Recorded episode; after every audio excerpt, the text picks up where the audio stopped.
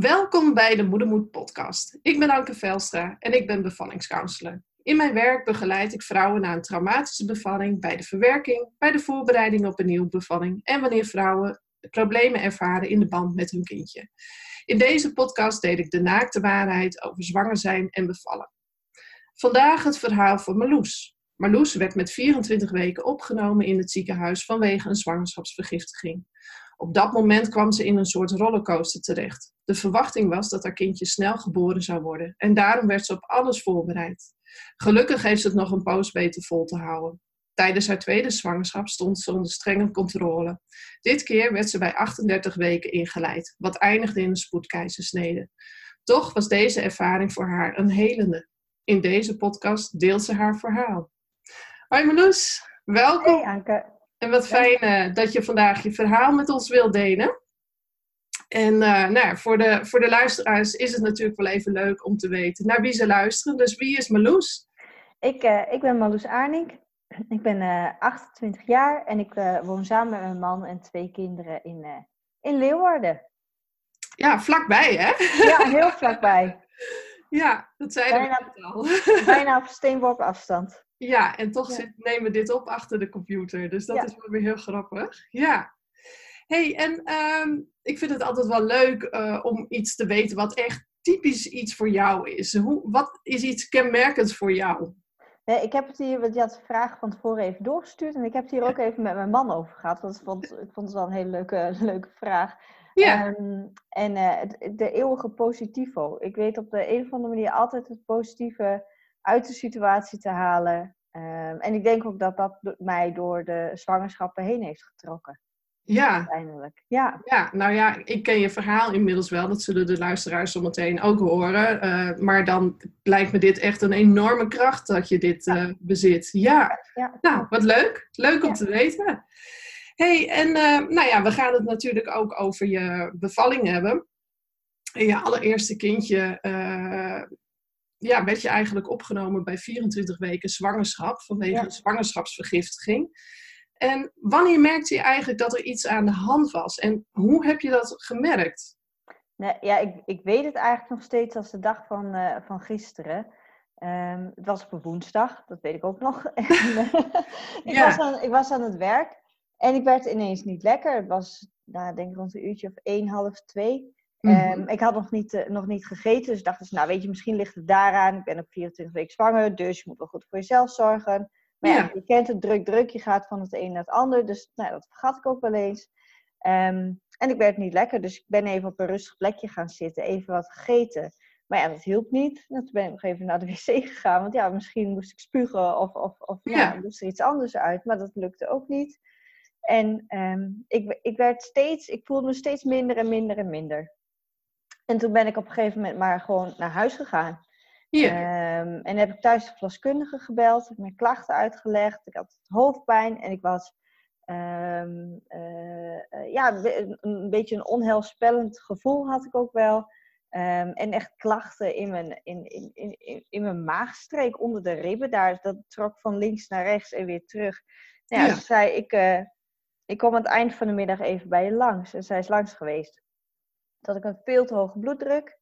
Um, dat moest ik uh, uh, in een potje plassen. En hebben ze uh, gecontroleerd op eiwitten. Toen had ik inderdaad eiwitten in de urine. En toen kon ik naar het ziekenhuis. Zo. En um, nou ja, daar, daar, was ik rond etenstijd, denk ik. En hebben ze onderzoeken uitgevoerd. en s'avonds om half twaalf kwam het bericht dat ik moest blijven. En dat ze een vermoeden hadden van zwangerschapsvergiftiging. Nou ja, dan moet je eerst 24 uur urine sparen. Mm-hmm. En dan kunnen ze pas echt definitief uh, uh, de uitslag geven. Um, maar ja, dat was dus zo. Na 24 uur werd inderdaad duidelijk dat ik daadwerkelijk zwangerschapsvergiftiging had. Goh. En dat ik uh, niet meer in het ziekenhuis, het streekziekenhuis in Leeuwarden kon blijven. Maar dat ik naar een ziekenhuis moest met een neonatale intensive care. En toen ben ik uh, in eerste instantie naar Zwolle gebracht, omdat Groningen vol zat. Ja, want hè, vanuit uit Leeuwarden, ik bedoel, ik woon ook in Leeuwarden, is eigenlijk Groningen toch wel het ziekenhuis waar je dan naartoe gaat uh, als je dat soort zorg nodig hebt. Ja. Tenzij het vol ligt. Ja, precies. Ja, dat hebben ze in Zwolle ook uitgelegd. Ze willen het zo, zo graag mogelijk de patiënten uit het noorden in het noorden houden. En ik moet zeggen, dat vind ik zelf ook wel fijn hoor, dat je toch iets dichter bij huis bent. Ja, maar ja, dit had je nooit kunnen bedenken natuurlijk toen je aan het werk was en, en je niet zo lekker voelde dat het zo uh, zou eindigen, zeg nee. maar. nee. Nou ja, en toen werd je dus naar Zwolle gebracht. Ja, ja. Met, de, met de ambulance inderdaad. Zo. Dan uh, uh, ja, word, je daarin, word je daarin gelegd. Ja. En dan ga je met redelijk hoge snelheid word je naar Zwolle gebracht. Ja. Een hele rare gewaarwording vond ik dat. Ja, ja, kan ik me heel goed voorstellen. hey, en hoe was je zwangerschap tot, tot dat moment geweest? Ehm, heb je eerder dingen gemerkt als je nu terugkijkt? Of was het tot dat moment eigenlijk helemaal goed? Nou, als ik terugkijk, dan had ik, uh, uh, had ik wel iets eerder al last van een hoge bloeddruk. En dat werd bij de verloskundige ook wel geconstateerd. Maar toen zei ik, ja, weet je, ik ben net drie trappen opgelopen, want ze zaten drie hoog. Dus dat is niet zo gek dat hij iets hoger is. En um, ik wist me er altijd wel uit te lullen op een bepaalde manier. Ik had even iets beter ook gewoon naar mezelf moeten luisteren en voor mezelf moeten zorgen. Maar daar was ik toen gewoon nog niet zo goed in. Nee, nou, wat ik, wat ik van mezelf herken, hè, want ik heb bij de eerste ook een, eh, een vergiftiging gehad, gelukkig pas op het laatste. Uh, maar als ik terugkijk, dan denk ik dat ik ook al veel langer klachten had. Maar het zijn ook niet altijd hele specifieke klachten. Want wat je zei, hè, je voelt je wat, nou ja, een beetje grieperig, een beetje van, hmm, uh, ik had al heel vaak dat ik sterretjes had gezien. Ja, maar ik ook dat, dat wist ik helemaal niet. Ik wist helemaal niet dat dat ook een symptoom was. En niemand had me daar ook ooit naar gevraagd. Ik had wel al een paar keer wat een hoge bloeddruk gehad. Maar ja, ik had ook een drukke baan. Dus uh, dan weet ik het daaraan. Ja. Uh, dus ja, als, als ik terugkijk, en dat herken jij dus eigenlijk ook wel. Heb je toch wel eens wat signaaltjes gehad van, hm, ja. is niet helemaal lekker. Ja, klopt. Ja. Ja, maar ja, dan ga je gewoon door, toch? Ja, tuurlijk. Want ja, je moet, hè. En uh, ik was aardig workaholic, dus ik werkte ook gewoon lekker veel. Vond ik leuk. Ja. En dat, uh, ja. dat breekt uiteindelijk wel op. Ja, ja. Nou, en toen lag je dus in één keer in Zwolle. Ja. En uh, men had het idee, ja, omdat het eigenlijk best wel heel snel en heftig ging, dat je kindje heel snel geboren zou worden. En ja. je hebt ook echt direct op van alles voorbereid. Hoe, hoe was dat voor je? Nou ja, we kwamen naar binnen en dan krijg je eerst die standaard gesprekken over wie ben je en, en, de, en de controles worden, worden uitgevoerd. En ongeveer 1 à 2 uur later zat, zat, er een perinatoloog naast mijn bed, een kinderarts zat naast mijn bed, twee verpleegkundigen en nog een, ja, nee, een artsassistent geloof ik. Maar dat maakt het op zich niet zoveel uit. Maar Um, dus toen, toen werd mij de ernst van de situatie ineens wel heel erg duidelijk. Dat die kamer zo vol stond met, uh, met, met witte jassen. Um, en toen vertelde ze ook van ja, weet je, je kindje gaat gewoon binnen twee weken geboren worden, maar nog waarschijnlijker binnen twee dagen. Je gaat uh, uh, ziek worden en nou, het hele beeld wordt, wordt je dan geschetst wat er met jou kan gaan gebeuren. Maar ze schetsen ook een beeld van hoe je uh, kindje eruit komt te zien. En ze vragen je wat je wilt. Want bij 24 weken heb je gewoon echt de keuze. Nog gaan we actief beleid doen of doen we een passief beleid? En dat betekent eigenlijk dat ze uh, uh, niks gaan doen, maar dat ze het kindje laten versterven nadat het geboren is. En dat vond ik zo'n lastige keuze ook op dat moment. Want dat, aan de ene kant wil je dat helemaal niet voor je, voor je kindje. Maar ja, aan de andere kant waren de uh, kansen op complicaties ook wel dusdanig groot dat je denkt, ja, wat is dan kwaliteit van leven en wat wil je, uh, wat, wat, wil je daarmee? Ja. Ook omdat ons kindje door de zwangerschapsvergiftiging echt laag in het gewicht werd, werd geschat, dus zeg maar onder de termijn van 24 weken. Um, ja, dan, dan is de kans op complicaties nog weer vele malen groter. Ja, dus, ja ja, dat, dat, dat, dat wil je niet. En um, uh, toen zeiden ze ook van, nou weet je, we laten jullie er rustig even over nadenken. Maar er is ook net een kindje geboren van dit termijn en ongeveer dat gewicht. We willen het jullie graag laten zien, zodat je ook weet wat je uh, te wachten staat. Ik krijg nu een rondleiding over de intensive care. Uh, de, de NICU noemen ze dat. En um, nou, dat hebben we toen gedaan. Ja, en dan kom je daar en dan zie je dat. En um, uh, dan, dan, het past in je hand. Ja. Je kunt er doorheen kijken. Ja. Ehm, en dat dan, op dat moment kwam het besef echt wel heel duidelijk bij me binnen van dit wil ik niet. Dit wil ik echt niet voor mijn, uh, voor onze, ons moet ik zeggen natuurlijk, voor onze dochter. Ehm, want ja, het, het is gewoon echt nog helemaal niks. Het, je bent net over de helft van je zwangerschap. En ze kunnen zoveel, die doktoren. Het is allemaal zo knap en zo. Maar ja, het beste huisje is gewoon je eigen buik. Ja, ja. Nou ja, en ehm, men kan inderdaad heel veel, maar ook steeds meer worden de lange termijn effecten eh, bekend van kindjes die zo ontzettend vroeg geboren zijn en zoveel hebben moeten doormaken uh, hè, om, om het allemaal te kunnen overleven. En nou ja, dat zijn soms best wel hele grote en ingrijpende effecten. Ja. Ehm, maar dat neemt niet weg dat dit voelt natuurlijk als, als moeder zijnde als haast een onmogelijke keuze. Je moet kiezen tussen leven en dood. Ja. Ehm, ja, dat, dat is iets waar je gewoon eigenlijk niet voor wilt komen te staan. Nee, wij hebben uh, op dat moment, we hadden nog geen geboortekaartje uitgezocht, maar dat vond ik ineens zo belangrijk. Ja, dat slaat compleet nergens op natuurlijk, want dat waren de hormonen. Ja. En, maar daar hebben we ook een tekst op gezet van leave a sparkle wherever you go. Omdat het dan beide kanten uit kon gaan. Weet je, als het, als als het zou sterven, zou, zouden we niet meer over die tekst na hoeven denken, maar was dat ook gewoon meteen goed. En als ze zou blijven leven, dan is het nog steeds een heel passende tekst. Want ja, je wilt toch dat je kind ergens een sprankeling achterlaat en gezien wordt. Ja. ja. ja. Goh, jeetje, dat is wel heel heftig. Uh, ja. Dat allemaal door te maken als ik dat zo hoor. Ja, en uh, nou ja, het leek allemaal heel spannend, maar uiteindelijk heb je dit gewoon nog acht weken weten vol te houden. Ja. En ik, het enige wat ik alleen maar kan denken is, hoe heb je dat in hemelsnaam volgehouden? Want ja ja, in zo'n ziekenhuis acht weken lang. Uh, nou, ik heb een paar weken in het ziekenhuis gelegen. Uh, ik vond dat al heel erg. Dus acht weken. Oh man. Ja, ik moet zeggen, ik heb een week in Zwolle gelegen. En na een week was er plek in Groningen. En toen zeiden ze van, ja, uh, ga daar maar weer heen. Want we willen je weer naar het noorden hebben. Ja. Um, en daar heb ik een paar dagen nog op een eenpersoonskamer gelegen. Mm En omdat het zo goed ging, ik bleef zo stabiel, mocht ik naar een meerpersoonskamer. En eerst vond ik dat verschrikkelijk. Ehm, maar ik moet zeggen dat het best wel fijn is als je er zo'n lange tijd ligt. Want je hebt gewoon, ehm, je, je, je, hebt gewoon wat meer aanspraak. Ja. Want weet je, mijn man kon ook niet acht weken lang naast mijn bed gaan zitten. Want er was op, ik was stabiel. Er was niet zo heel veel aan de hand. Er gebeurde niet zoveel. Nee. Um, ja, en die kon zijn uren wel beter gebruiken uh, nadat het kindje geboren zou, uh, zou worden. Ja. Um, dus we hebben ook gewoon afgesproken dat hij, uh, hij aan het werk ging. Maar ik was wel uh, overdag, dus wel veel alleen. Mm -hmm. um, en dan is het fijn dat je nou, op een meerpersoonskamer ligt. En soms had ik een klik en soms had ik geen klik. Nee. Um, en dat gebeurt en dat is ook prima. maar dat heeft me er wel doorheen getrokken. En ik moet zeggen, ik had met, uh, met een aantal verpleegsters ook echt gewoon een hele leuke klik.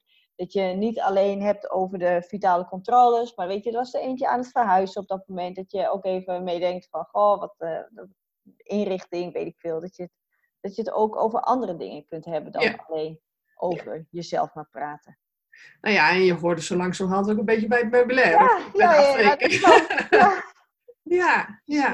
Maar dat is wel waar. Ja. ja uiteindelijk na acht weken ben je bevallen. Hoe is dat gegaan? En, en hoe kijk je terug op, op de bevalling? Um, hoe is dat gegaan? Ik werd uh, met 32 weken mocht ik weer terug naar het streekziekenhuis. En dus ben ik weer terug verplaatst naar, uh, naar Leeuwarden. En eigenlijk ging het daar ook steeds, uh, vanaf dat moment ging het steeds minder met mij. En die maandags, ik, van zondag op maandag werd ik s'nachts al een aantal keer wakker dat ik me niet zo lekker voelde. En uh, ook een beetje zo'n onheilspellend gevoel. Mm-hmm. En uh, naarmate de dag vorderde, uh, ik had mijn moeder ook maar gevraagd om te komen. Want ik dacht van, nou weet je, dan is er in ieder geval iemand, iemand bij me. Um, en naarmate de dag vorderde, ik kon niet meer liggen, ik kon niet meer zitten, staan niet, lopen niet, niks, niks wilde. Ik had overal pijn. En um, nou ja, dat gaf ik ook steeds aan. En dan komen er weer doktoren of artsassistenten binnen Uh, en die deden van alles. En ze bleven maar op de achterkant van mijn rug, bij mijn, uh, bij mijn flanken, bleven ze maar kloppen om maar te voelen of mijn lever en nieren niet al te erg aan het opspellen waren. En op een gegeven moment is er zelfs een echo gemaakt nog, omdat ze echt dachten dat, het, nou, dat, dat die te veel aan het uitzetten waren. Ja. Um, en toen bleek dus ook dat ik maar één nier had. En okay. dat, ja, dat, dat, dat, dat is nooit eerder uh, geconstateerd. En um, nou, op basis van die, die informatie met elkaar, dat ik heel erg achteruit ging, mijn bloeddruk bleef stijgen. Ik voelde me echt niet goed. Ik had heel veel pijn. Um, uh, mijn, uh, mijn bloedwaarden gingen achteruit. Hebben ze, uh, kwamen ze om vijf uur, kwamen ze s middags weer met een hele hoop witte jassen de, de kamer binnen. En um, ik weet echt de letterlijke woorden nog van de, van de, van de gynaecoloog die binnenkwam. Ze, we gaan deze zwangerschap beëindigen. Nou, en ik barst in huilen uit. En ik, ik, heb echt, ik heb gezegd van, oh, ik had echt verwacht dat ik nog heel veel zieker zou moeten worden en heel veel meer pijn zou moeten hebben. Ja. Um, uh, voordat, voordat jullie dit zouden zeggen, maar het is, het is goed zo. Ja. Ik had er zo'n berusting in dat het goed was. En ik was heel blij dat ik het vaginaal mocht proberen, want dat was echt mijn, uh, mijn wens. Ja. Um, dus zei, nou weet je, je gaat even rustig eten en dan na het eten dan gaan we een ballon plaatsen om je in te leiden. En dat, uh, dat, uh, nou, dat hebben ze ook gedaan. En omdat mijn bloeddruk zo steeg, kreeg ik ook een magnesiuminfuus. Dat is, uh, dat is een heel fijn goedje. En dat, nou ja, dat is sarcastisch. ja, ik hoor daar echt bizarre dingen over. Ja, ja. ja dat um, je, je, je, je wordt zo heet. En zo ze, er waren twee verpleegsters bezig met natte doeken om mij te koelen. En mijn man was aan het ah. waaien met, met, met, met, wapperen. En het is echt heel naar spul. Maar ja, het, het, haalt je bloeddruk wel naar beneden. Dus het moest gewoon op dat moment.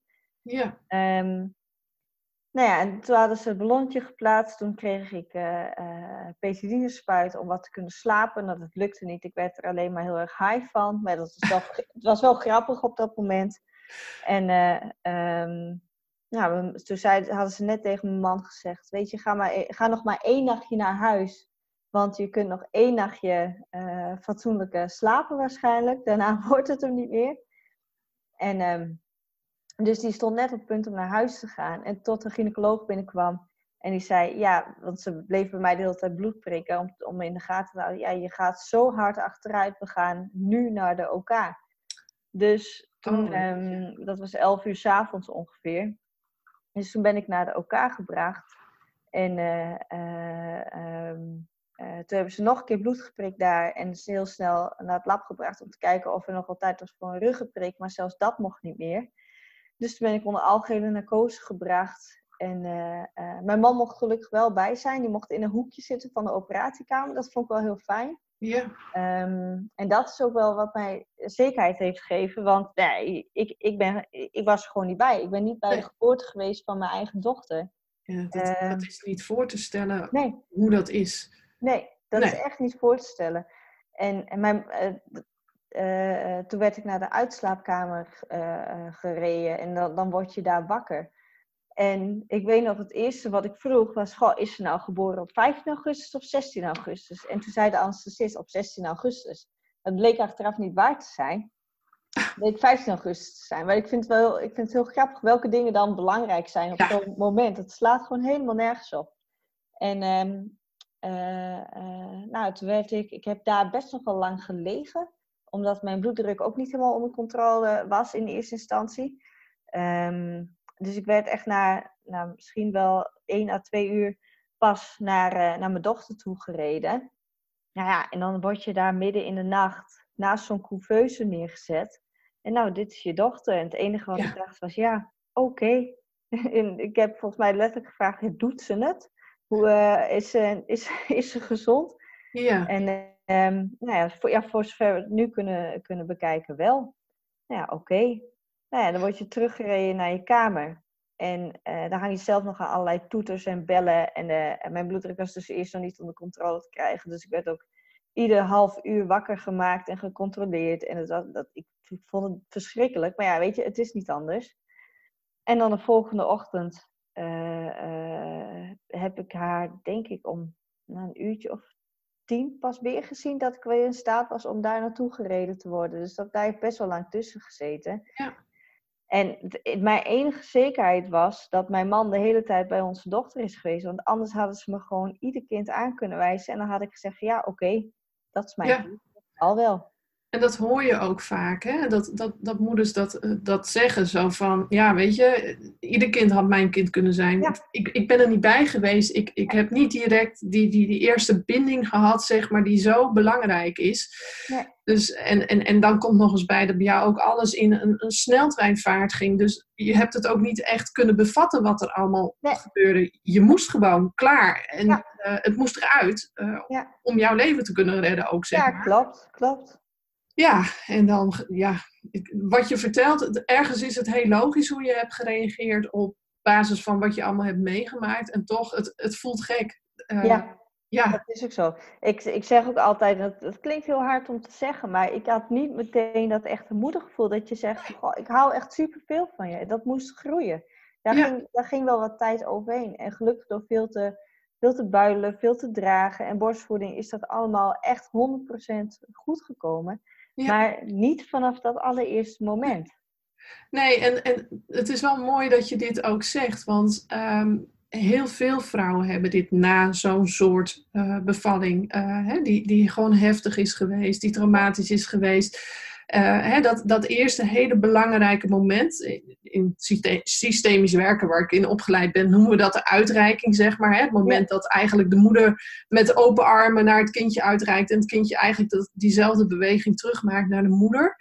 Uh, dat, dat heeft niet plaatsgevonden. En uh, gelukkig kun je inderdaad daar wel in her, of aan herstel werken. Um, maar dat kost inderdaad heel veel tijd en ja. heel veel inzet. Um, en voor heel veel vrouwen zit daar ook nog een heel groot taboe op. Dat ze dat eigenlijk niet durven te zeggen. Dat ze niet direct dat gevoel hadden. En ja. dat vind ik zo jammer. Want uh, het betekent niet automatisch dat je een slechte moeder bent of nee. zo. Nee. Helemaal niet. Ik, ik denk juist dat, dat dit uh, enorme, krachtige, moedige moeders zijn die zulke ervaringen hebben meegemaakt. Maar het, het, het is een gevolg van. Ja, nou, goh, ik ging even los, geloof ik. Ja, nee. nee, maar dat is, dat is ook zo. Daar heerst ook een taboe op. En, ja. um, maar het is zo logisch dat het gebeurt. Ja, hè? en, en, en um, het is ook niet gek als, als je dat voelt om voor dat stukje op een gegeven moment ook wat hulp te vragen. Van, goh, help me met dit stukje. Want ik voel gewoon dat, dat het niet helemaal goed gaat. Uh, en ik wil het graag beter. Ik wil het graag anders. Ja. Ja. hey, en nou ja, toen was je dus in één keer wel moeder van een prematuur kindje. Gelukkig niet met 24 weken, maar met nee. een heel veel betere termijn dan uh, eerst. Ja. En hoe heb jij eigenlijk die periode ervaren? Uh, de couveuse periode bedoel je? Ja, maar hoe lang ben je bijvoorbeeld zelf nog in het ziekenhuis gebleven? Wanneer mocht je naar huis? Uh...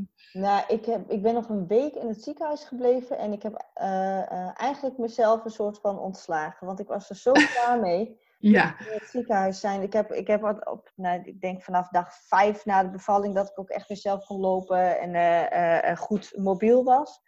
Um, uh, dat ik iedere dag heb gevraagd, mag ik alsjeblieft naar huis? Mag ik alsjeblieft naar huis?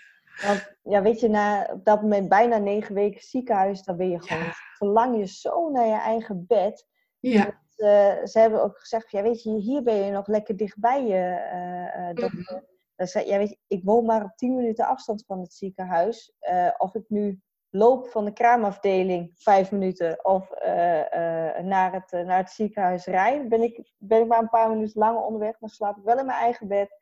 Dus ja. ik rekening te houden met tijden en weet ik veel wat voor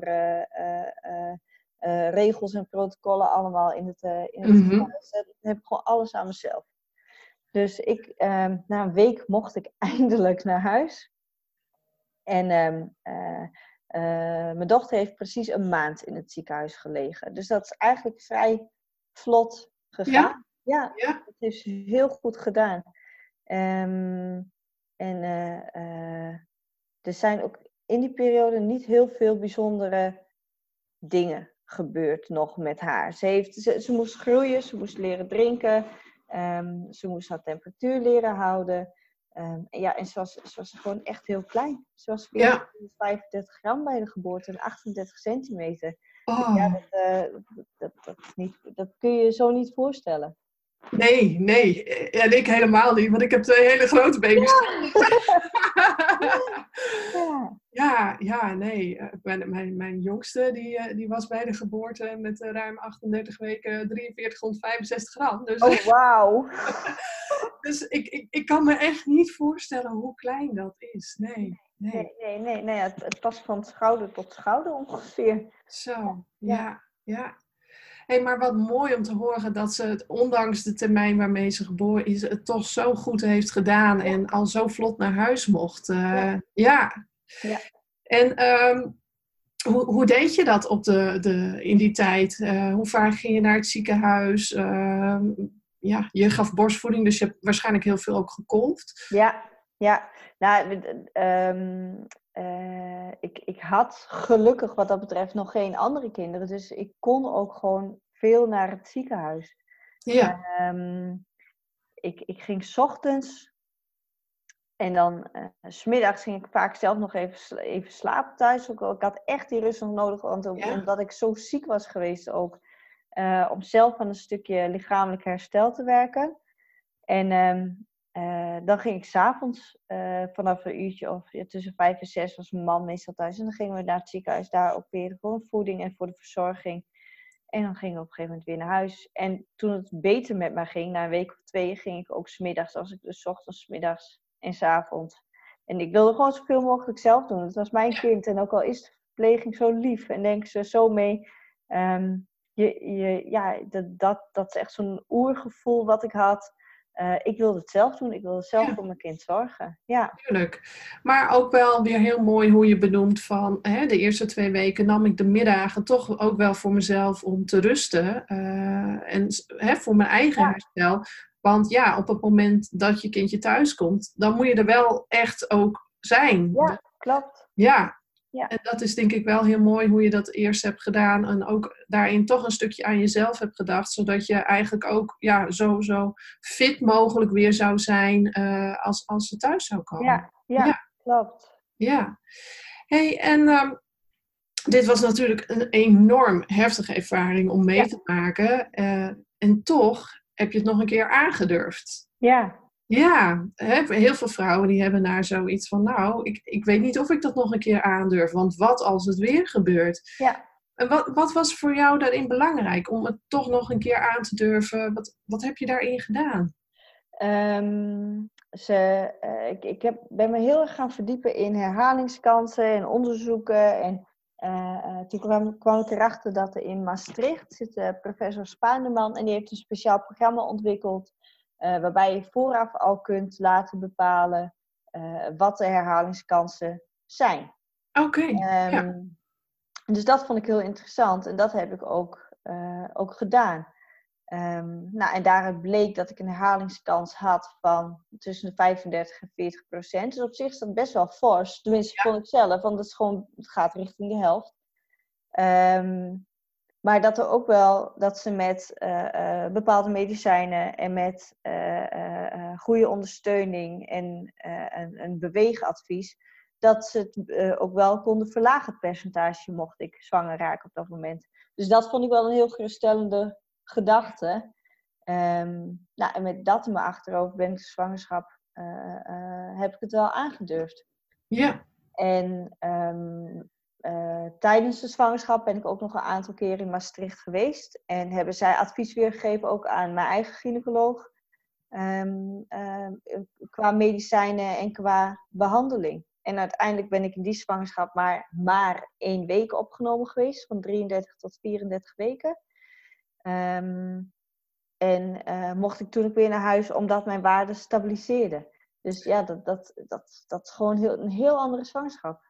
Ja, maar ik begrijp dus goed dat toch het wel weer even uh, opspeelde tussen ja. uh, de 33ste, 34ste week, ja, waardoor je wel weer opgenomen bent geweest. Ja. Oké. Okay. Ja. Ja, dus het gebeurde wel, maar gelukkig een stuk later en uh, een stuk minder heftig. Ja, en nam ook weer af. Dus het is heel gek. Het gebeurt eigenlijk nooit. Maar ze zei, ja, ga maar weer naar huis, want we hebben hier geen reden meer om je te houden.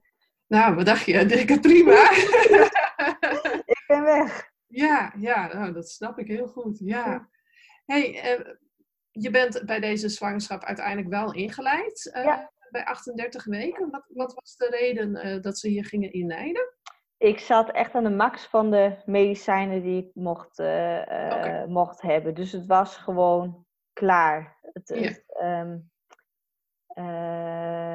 stel, ik had nog een week of twee weken langer gelopen ja, dan, dan, weet, dan was ik misschien wel echt weer in de preeclampsie of weer in de help geschoten, zoals ik dat bij mijn dochter ook had gehad. Ja, dus eigenlijk wilden ze gewoon risico's voorkomen. Ja, ja. en daar stond ik volledig achter hoor. Dat was, uh, ik, ik, ik had zelf echt het gevoel dat het klaar was, dat, dat, dat voor mijn lichaam, de zwang, dat de zwangerschap voor mijn lichaam ook op was. Ja, dus je kon je er op dat moment wel aan overgeven van, nou oké, prima, dan gaan we dat doen. Ja. Toch is deze inleiding geëindigd in een spoedkeizersnede. Ja. Ja. Ja. Wat? Um, nou, ik, uh, ik werd dus ingeleid en ik, uh, ik trok de weeën ook. Ik trok de weeën niet. En ik heb, ben niet iemand met een lage pijngrens.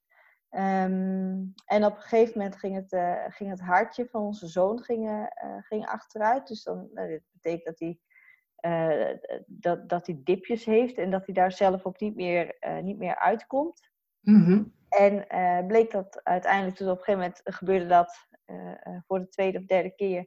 Zeiden ze, we gaan nu over op een spoedkeizersnede, maar wel omdat ik zelf aan had gegeven dat het niet goed was, dat het niet goed zat. Ja. Dat ik pijn voelde waar ik niet hoorde te voelen. Um, en achteraf bleek dat ook juist te zijn, want mijn baarmoeder was aan het scheuren. Ik had een, uh, ja, ik had een, uh, een scheur van 5 centimeter over horizontaal en 2 centimeter over verticaal. Dus een soort van T-splitsing als het ware. Mm. Ik had in mijn baarmoeder op het litteken van de vorige keizersnede. Dat, ja. dat risico is aanwezig, maar op zich vrij klein. En dat gebeurde gewoon bij jou. Een half procent van alle bevallingen in heel Nederland, ja. Ah, jeetje, ook nog. Ook ja, nog, ja. Ook nog. En toch, hè, ik bedoel, voor veel vrouwen is een spoedkeizersnede, ja, het was voor jou natuurlijk al de tweede keer, uh, Ja. best wel ook weer heftig om mee te maken. Ja, En toch benoem je het voor jezelf als een helende ervaring. Wat, wat, wat maakte het toch een helende ervaring voor jou? Ja, het feit dat ik zelf heb aangegeven dat het niet meer oké was en dat hij er nu uit moest. En Mm. dat ik daar ook gewoon gelijk in bleek te hebben. Ehm, en het- ja, het klinkt zo stom, ik mocht een ruggenprik, dus ik was erbij. Ik heb de Ja. geboorte gezien. Dat was voor mij al zoveel beter dan de geboorte van mijn dochter. Dat. Ehm, eh, dus ja, wat dat betreft was het een helende eh, ervaring. Ja, absoluut. Ja, ja, ja, goh. Jeetje, nou, als ik die dingen allemaal zo optel, dan heb je het ook Ja. echt wel flink voor de kiezer gehad. Hè? Ja, de gynaecoloog kwam later eh, eh, binnen voor, voor, voor nog even een, eh, een praatje. En die Ja. zei van, nou, we, we hebben maar grapjes gemaakt over, over dat jullie bingo aan het doen waren. Met alles wat je kunt meemaken. Je hebt volgens mij, volgens ons heb je de kaart nu wel, nu wel vol. Zei, ja, wij zelf eigenlijk ook wel. Ja. Ja. Maar wat me ook opvalt is, en misschien maakt dat ook wel het stukje helend, ehm, dat jij zelf zo intuïtief voelde van hé, hey, hier, hier Ja. klopt iets niet. En dat daar ook gelijk naar geluisterd werd. en Dat je daarin gehoord en gezien werd. Ja, ik heb heel erg het idee dat ik wat dat betreft ook wel met mijn zoontje in verbinding stond. Dat, ik, dat hij op dat moment ook een hartslagdip liet zien. Dat ik zei, het gaat niet goed. En Ja, vervolgens liet hij een hartslagdip zien. En toen hadden de artsen zoiets van, hé, hey, oké, dit is inderdaad, dit klopt niet. nee, hier, eh, hier moeten we ingrijpen, dit Ja. gaat niet goed. Ja, ja, heel bijzonder hoe dat soort dingen soms dan bij elkaar komen. Ja. Soms kun je dat niet verklaren, maar het, het is wel heel bijzonder natuurlijk dat het gebeurt. Ja, ja. moet zo zijn. Ja. Ehm, nou ja, en wat ook wel leuk is, denk ik, om te vertellen, is dat je inmiddels zelf ook doula bent eh, geworden. Nou, Ja. ik vraag het toch nog. Ergens denk ik dat ik het antwoord wel weet, maar wat heeft je daartoe aangezet? Ja, ik richt me echt voornamelijk specifiek op de doelgroep van eh, eh, ouders die eerder een prematuur, disputuur of ziek geboren kindje hebben gekregen. ja. Want in de volgende zwangerschap, daar sta je zo anders in. Je bent echt totaal niet naïef meer. Je, je bent zo bezig met wat kan er allemaal wel niet gebeuren. En eh, ook heel erg met grenzen bezig. Die 24 weken, oh, weet je, ze gaan nu behandelen als ik dat wil. Ehm, en eh, eh, je leeft naar de grens toe waar je eerder bent bevallen. Je bent ook wel een soort van verdrietig dat je daar overheen gaat. Schuldgevoel richting de, de, het, het oudere kindje. Ehm, en je omgeving begrijpt dat gewoon niet goed. En er worden ook, de, de, weet je, er worden heel vaak opmerkingen gemaakt als: uh, ga, ga, nu, ga nu maar lekker genieten van je zwangerschap. Oh ja, ja. Nu, kan het nog, weet je? En dan denk ik van ja, dat zijn heel goed bedoelde opmerkingen, echt supergoed bedoeld, maar ook heel misplaatst op sommige momenten. Ja. En um, uh, doordat ik het zelf heb meegemaakt, kan ik, kan ik op dat gebied echt een stukje begeleiding uh, ja, bieden. Ja. En ook tijdens de bevalling, want de bevalling is nou, best wel vaak ook traumatisch geweest bij de, bij het eerste kindje. Want wij wisten dan toevallig dat ze te vroeg geboren werd en wij, wij hebben ons daarop voor kunnen bereiden. Maar hoe vaak hoor je niet dat, eh, dat er vliezen braken of dat er weeën zijn waarvan je dacht dat het krampjes waren en dat ze nou ja, een paar uur later zijn bevallen op een veel te vroeg termijn. Ja, ja. Die impact daarvan die wordt, die wordt heel vaak nog onderschat. Um, nou ja, en dan, dan ben ik daar. Ja. Ja. Kunnen ouders jou daarvoor inschakelen voor een stuk begeleiding al tijdens de zwangerschap en uh, ook tijdens de bevalling als ze dat zouden willen? Ja. Nou ja, eigenlijk heb je mijn volgende vraag al beantwoord daarover. Want die ging natuurlijk daarover. Ja. Hè? Van, ja, het is toch wel denk ik een heel groot verschil wat jij ook aangeeft. Hè? Je, je bent inderdaad niet meer onbezorgd. Uh, je, je leeft van mijlpaal naar mijlpaal. Uh, dus er zit ook zo'n stuk spanning in die zwangerschap al. Van, ja. hè, hoe gaat het nu? Ga ik het redden? Wat voor keuzes kom ik nu weer voor te staan? Uh, dus ja, het is wel heel mooi dat, dat je op iemand dan kunt terugvallen uh, die dat herkent, die dat zelf ook aan de lijve heeft ervaren hoe dat is. Ja. Uh, en daarin ook een beetje een soort baken kan zijn, denk ik. Uh, ja. ja. een soort stevige rots in de branding. Van daar, daar, daar, kun je op terugvallen als het nodig is. Ja, klopt. Um, nou ja, jij hebt natuurlijk een hele specifieke doelgroep voor wie jij werkt als, als doula. En natuurlijk ga ik je vragen om, of jij vanuit jouw kennis en ervaring ook een aantal tips of inzichten zou willen delen, meegeven aan ouders die in een soortgelijke situatie zitten. Ja, ik heb uh, eigenlijk gewoon één grote tip. Nou. Vraag, vraag om hulp of durf om hulp te vragen en doe dat op tijd. En met hulpvragen bedoel ik niet uh, uh, meteen professionele hulp, als, maar Hmm. ook iets kleins als even oppas regelen voor je oudere kinderen, zodat je zelf even kunt slapen. Of uh, een schoonmaakster inhuren, omdat je, om het voor jezelf lichamelijk iets makkelijker te maken. Um, maar dat, dat zijn hele kleine dingen die, die al een heel groot verschil kunnen maken tijdens je zwangerschap. Dus schroom niet om te vragen. Um, echt vraag om hulp en doe dat op tijd. Ja, dus uh, ook uh, vragen of er een maaltijd gekookt uh, ja. kan worden en zo. Om jezelf daarin een stukje te ontlasten. Want een zwangerschap is natuurlijk niet alleen lichamelijk behoorlijk intensief. Maar na een eerdere heftige zwangerschap met een vroeggeboorte is het natuurlijk mentaal ook wel ja. iets wat echt in je hoofd zit. Dus je wordt eigenlijk dubbel belast daarin. Ja. En als je dan ook alles nog draaiende moet halen, al die ballen in de lucht moet houden, is dat gewoon echt wel heel veel. Ja. Ik denk een hele waardevolle tip, maar ook wel iets wat heel lastig is. Ja, dat weet ik. Dat heb ik zelf ook wel ervaren. Dat soms denk ik van, ah, weet je, ik kan het allemaal wel. En het, ja. iedereen kan het, ik dus ook. Maar ja. doe, het, doe het nou gewoon maar. Want je, maakt het, je, bent maar, je bent maar één keer zwanger van dit kindje. Dus ja. je, het maakt het jezelf gewoon wat makkelijker. Ja, nou ja, ik, ik heb het ook echt moeten leren hoor. Ik, ik vond het echt verschrikkelijk. Ik heb dus gewoon na mijn tweede bevalling heb ik vier maanden lang thuiszorg nodig gehad om me te helpen met douchen en aankleden. Dan denk ik van, ik, ik was toen net ja, 35, net 36 zo'n beetje. Ja. En dan denk ik van, heb ik dat nu al nodig? Ja, ik had het nodig, want uh, daardoor hield ik genoeg energie over om overdag ook nog iets te kunnen doen. Uh, ja. Om de borstvoeding te kunnen blijven geven. Om misschien heel even in een rolstoel met mijn man naar de supermarkt te kunnen. Maar ja, hè, doordat je eigenlijk daar op een stukje hulp vraagt, uh, ja, hou je ook wat energie over voor anderen die ook heel belangrijk zijn. Ja, nou, ik denk een hele waardevolle tip uh, om, ja, voor deze vrouwen om, om mee te geven. Maar goed, um, als vrouwen jou willen volgen. Ja, dat kan. Hoe kunnen ze jou vinden? Ze kunnen me uh, vinden op Doula Praktijk Marloes via Instagram en Facebook. Ja.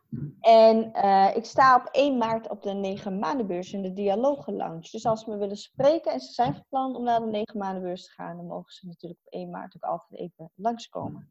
Nou, kijk, dat klinkt hartstikke goed. Dus daar kun je Marloes vinden.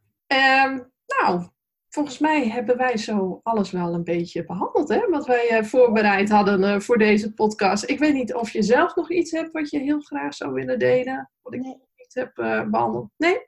Nou, dan ga ik je heel erg bedanken. Want ik vond het echt super leuk om je vandaag te spreken. Om je over je bevallingen te praten, over hoe je alles hebt ervaren. En ik vind het fantastisch hoe open je dat ook allemaal hebt gedeeld. En ik denk dat het heel inspirerend uh, kan zijn, ook voor uh, andere ouders die in een soortgelijke situatie zitten. Dus ja, alleen maar heel erg bedankt dat je dit hebt willen doen. Ja, jij ook bedankt. Nou, graag gedaan. En uh, nou, de luisteraars die ook uh, naar deze podcast weer hebben geluisterd, ook heel erg bedankt voor het luisteren. En nou, ik hoop jullie heel graag weer in de volgende podcast te ontmoeten. Oké, okay, tot de volgende keer.